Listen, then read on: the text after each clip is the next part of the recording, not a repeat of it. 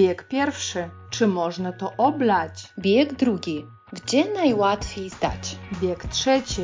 Pytanie z pierwszej ręki. Bieg czwarty. Poczekaj na plastik.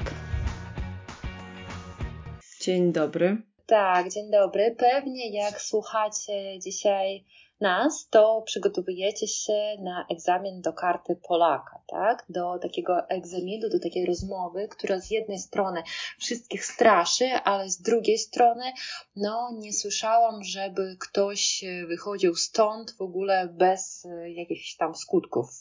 To, co słyszę, te historie, które słyszałam, zawsze, zawsze są takie pozytywne i Komuś to zajmuje więcej czasu, komuś mniej, ktoś jest bardziej zestresowany, ktoś mniej, ale w każdym razie większość tych ludzi, z którymi ja rozmawiałam, dostali karty Polaka. Też, czy ty słyszałeś jakieś e, takie negatywne historie, żeby ktoś nie dostał kiedyś po tej rozmowie karty?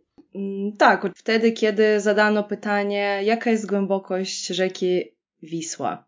Serio, były takie pytania, jaka głębina rzeki Wisła. Okazało się, że zapisujcie, tak, roraty to adwentowe msze, adwent pamiętam, pamiętam, że to taki czas przed Bożym Narodzeniem, tak, to takie msze, służby, tak, w kościele. I to pani, to była tak zainteresowana, pani konsul, tak, że rozmówca zaproponował jakby sam taki temat, na którym możemy porozmawiać, no przecież oni też nudzą się już mówić o tych dwunastu potrawach oraz więc też to, ja nie wiem, jak my teraz to wszystko powiemy, to i tak będzie więcej chętnych i jeszcze szansa dodzwonić się będzie mniejsza, no ale troszkę chyba zdradzimy tutaj informację. E, no i też wtedy było pytanie, kto jest prezydentem Polski. Ci inspektorzy lub konsolowie to byli bardzo, bardzo miłymi, otwartymi i życzliwymi osobami. Nikt jakby są trudniejsze pytania. Na przykład we Wrocławiu to pytano, ile ma guzików Piłsudski na swoim mundurze. Kurde.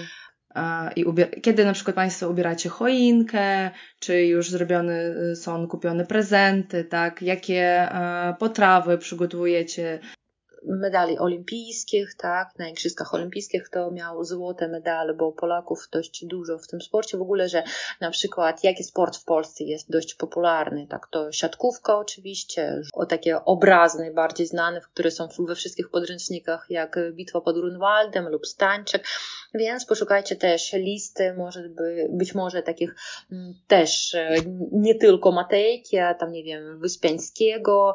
Dobrze, tak. A teraz może zobaczmy w Petersburgu, jak odbywała się ta rozmowa. To było akurat w styczniu, tak, parę tygodni temu.